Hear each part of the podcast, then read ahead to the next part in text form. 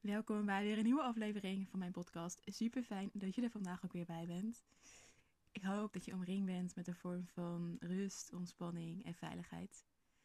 En mocht dat op dit moment nog niet zo zijn en gaat nog van alles door je hoofd en door je lichaam, wil ik je vragen om even een stapje naar achteren te doen. Om in dat stapje naar achteren te vertragen en te landen ook in dit moment. En misschien is dat voor jou om even deze podcast op pauze te zetten en voor jezelf te voelen van oké, waar ben ik nu? Hoe voel ik mij? En wat heb ik op dit moment nodig? Nodig om een vorm van rust, ontspanning en veiligheid te voelen. Weet dat je dit in elk moment kan ervaren. Weet ook dat je dit in elk moment kan oproepen. En dat dat zoveel fijner voor jezelf gaat werken en jij daar voor jezelf leiderschap op kan nemen. Waar ik het vandaag met je over ga hebben is een stukje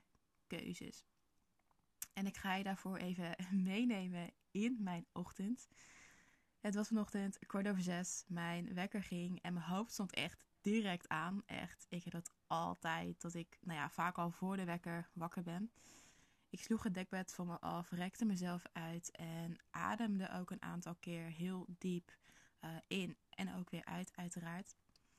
Waarna ik uit bed stapte en ging aankleden. En ik voelde van oké, het, het gaat net niet lekker. Het gaat net niet zoals het normaal gaat. Uh, mijn lichaam voelde zwaar alsof het te weinig slaap had gehad.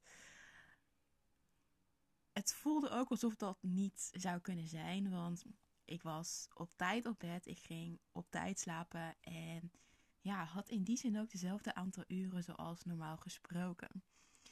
Dus ik besloot wat te stretchen, zachtjes te bewegen en voelde hoe daarin de zwaarte langzaam wegtrok.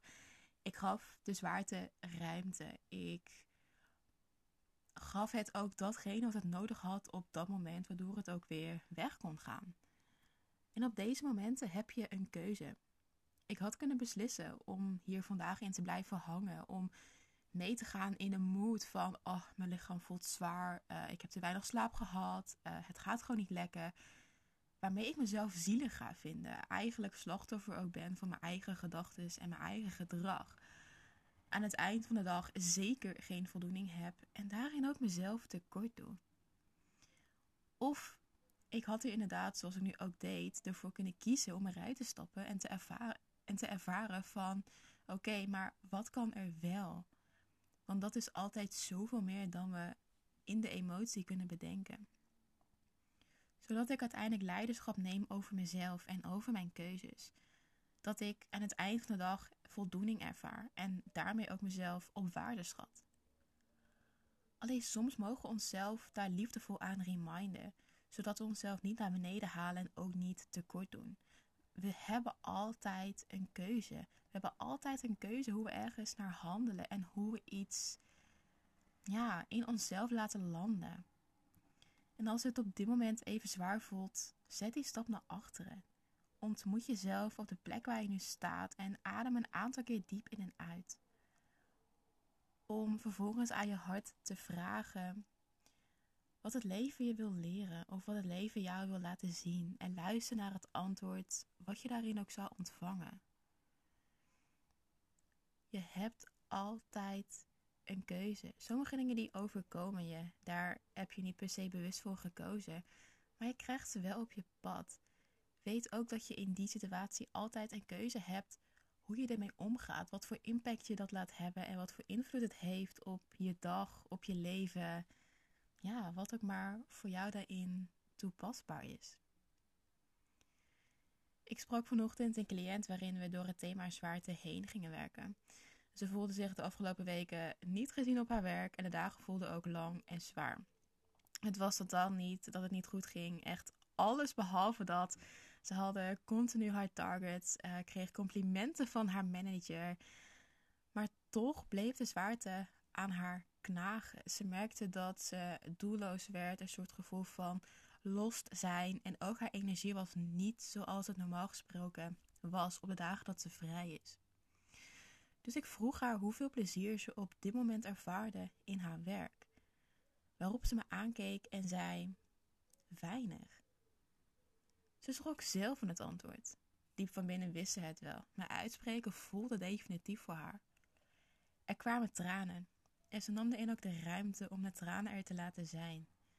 En ja, ik vind het altijd zo mooi dat die ruimte er is. En ja, dat je steeds meer het vertrouwen en de veiligheid voelt in jezelf om de tranen te laten gaan, om het verdriet ook echt ruimte te geven. Misschien herken je het wel. Diep van binnen weet je dat je iets mag veranderen en of mag uitspreken. Je voelt het aan alles in je lichaam en om je heen gebeuren er dingen die erop wijzen dat het echt tijd is om te doen. Toch doe je het niet, omdat je bang bent voor het definitieve. Want wat nou als ik het echt ga toegeven aan mezelf? Wat nou als ik echt ga voelen dat het tijd is om iets anders te doen? Wat gaan andere mensen daarvan vinden? Ben ik wel veilig? Ga ik het redden? Gaat het goed komen? Verandering kan daarin moeilijk zijn. Je laat iets ouds achter. Mensen, relaties, gewoontes, routines, verwachtingen, bepaalde beelden wat mensen van je hebben. Ik vind je moedig als je voor verandering kiest. Ik vind je moedig als je, als je door de weerstand en pijn van verandering heen gaat.